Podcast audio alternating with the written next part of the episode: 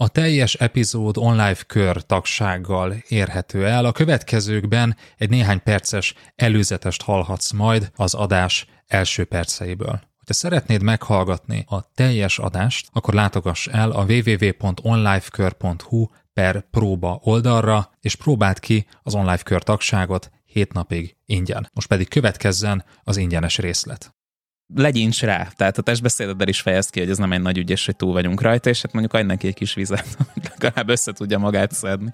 Interjúztatsz?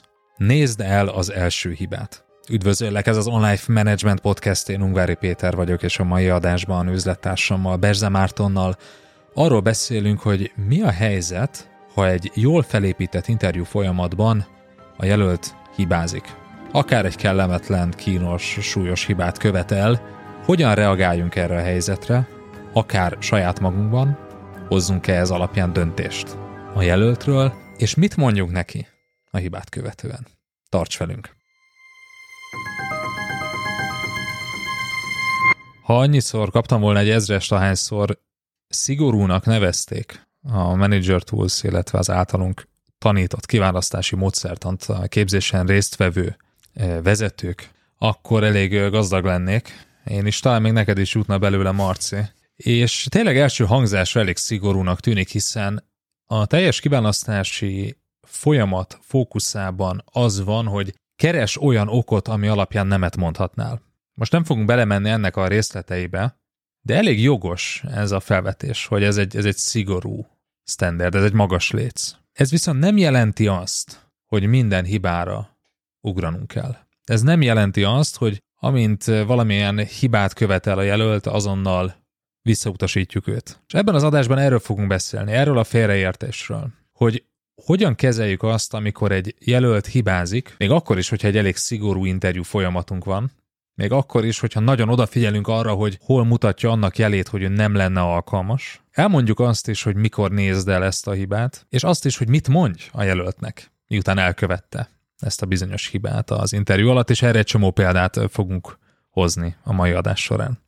Mert hogy ne legyenek illúzióink, azt a jelöltek is észre szokták venni, hogyha valamit rosszul mondanak. És igen, ez könnyen kisiklathatja az egész interjú folyamatot, úgyhogy kezdjük az elején, mert itt említetted ezt, hogy bár az eredményes kiválasztás kézikönyvében is leírt módszertan alapján összeállított interjú folyamat az valóban szigorú, szigorúbb az átlagnál. Azért ebben ebben van igazság, tehát nem csak a mérleg főösszegünket javítja, hanem a hitelességünket is növeli, hogyha elmondjuk, hogy igen, ez egy, ez egy magas, magas léc, viszont sokan félreértik azt az ajánlást, hogy azt keresd az interjún, hogy miért mondhatnál nemet. Tehát, hogy azt gondolják, vagy az a vélekedés alakulhat ki, hogy a tökéletes, a hibátlan jelöltet keressük, pedig ez messze nincs így, mert hogy nem a tökéletesség az, amire kíváncsiak vagyunk, mert hogy tökéletes jelölt nem létezik, ahogy már Bocs, tökéletes munkatárs sincsen, nyilván ő jelöltként sem lesz tökéletes. Ezernyi olyan hiba történhet egy-egy interjú helyzetben, amik nem mutatnak arra, egy olyan típusú gyengességre, ami miatt nemet mondunk, tehát ami miatt automatikusan ki kellene zárnunk valakit a lehetséges, végül pozitív elbírálást kapó személyek köréből. Így van, tehát ne tegyük már magasabbra a létszet, mint ahol a jelenlegi kollégáinknál van, ugye? Tehát ha a vezetői útmutatásunkban az szerepel, hogy figyelj, hogyha a kollégát hibázik, az teljesen normális. Ez előfordul. Nem az a gond, hogyha hibázik, hanem az, ahogyan kezeli feltétlenül azt a hibát, vagy hogyha rendszer szinten hibázik, akkor miért emelnénk magasabbra a lécet egy interjú során? Akkor miért várnánk el egy interjún azt, hogy valaki egyáltalán ne kövessen el hibát? És most gondoljunk bele abba a helyzetbe, hogy van egy kiváló csapattagunk. Remélem, hogy minden hallgatónknak van ilyen munkatársa, ha nincs, akkor az azt jelenti, hogy a kiválasztás nem volt elég szigorú. Gondolj erre a kiváló csapattagra, és gondolj bele abba, hogy mennyi hibát követel egy héten. Hát egy párat azért elkövet, nem? De ezek a hibák leginkább ilyen egészen random hibák. Egyszer ebben hibázik, mondjuk lecsúszik egy határidőről, késik 5 percet egy megbeszélésről. Másszor abban hibázik, mondjuk hagy egy elütést egy ügyfelnek leadott anyagban, vagy valamit rosszul számol ki, és ez egy kollégájának tűnik fel, emiatt elmegy egy fél órányi munkája, meg az is lehet, hogy egyszer ingerülten szól oda az egyik kollégájának egy héten. Nem ezek mind hibák, amire jó esetben visszajelzést adunk.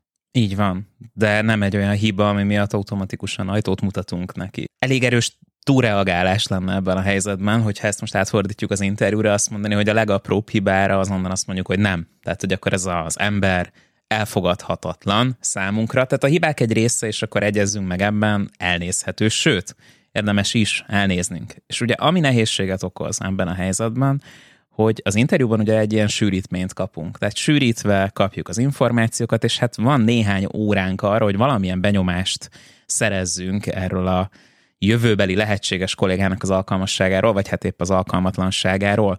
És hát értelemszerűen a legjobbat várjuk tőlük. Reálisan az a feltételezés él bennünk, interjúztató menedzserként, hogy hát ez a kollega most, vagy potenciális kollega éppen a legjobb arcát mutatja fenénk, nem? Tehát, hogy interjú helyzetben kevés embert láttam, aki úgy ment oda, hogy na, hát akkor most úgy lesz valami. Nem, tehát nyilván van egy ilyen felfokozott várakozás, készülés, rákészülés és a többi, és hát nekünk is ez az elvárásunk. Tehát mi is azt szeretnénk, hogyha ha nagyon jól teljesítenének interjú helyzetben ezek a kollégák, tehát ha a legjobb eredményeiket emelnék ki, a legjobb formájukat hoznák közös tekintettel mondjuk a kommunikáció területén. De a legjobb még mindig nem a tökéletes. Így van. Tehát ne tegyük olyan magasra a lécet, hogy a jelöltünk egyetlen hibával leveri azt. Különbség van ugyanis a hibák között. Tehát különbség van a között, hogy egy jelöltnek felteszünk egy viselkedés alapú kérdést, és a második felére mondjuk nem válaszol. Meg a között, hogy feltesszük neki a kérdést, és azt mondja, hogy hát ilyen, ilyen helyzetben nem voltam még. Ez a kettő között különbség van. Különbség van a között is, hogy belekeveredik a dátumokba, jó, várjunk csak, ez, ez nem is két, hú, hogy is volt, hú, hát erre nem emlékszem, és a többi miközben egy jó hosszú választ ad egy kérdésre, egy viselkedés alapú kérdésre, és a között, hogy az első kérdésünkre, ugye a mesélj egy kicsit magadról kérdésre, egy fél perces választ ad, és fél percben lerendezi a teljes karrierjét. Jó, tehát ez a két válasz között különbség van, ez a két hiba között különbség van, mind a kettő hiba, nem? Tehát ha nem tud jól válaszolni az egyik kérdésre, és többször visszakérdezel, és belekeveredett, és zavaros volt, és nem volt összeszedett, ez hibának számít, nem? De nem olyan, mint hogyha azt mondanák, hogy hát, bocs, ilyen példám nincs.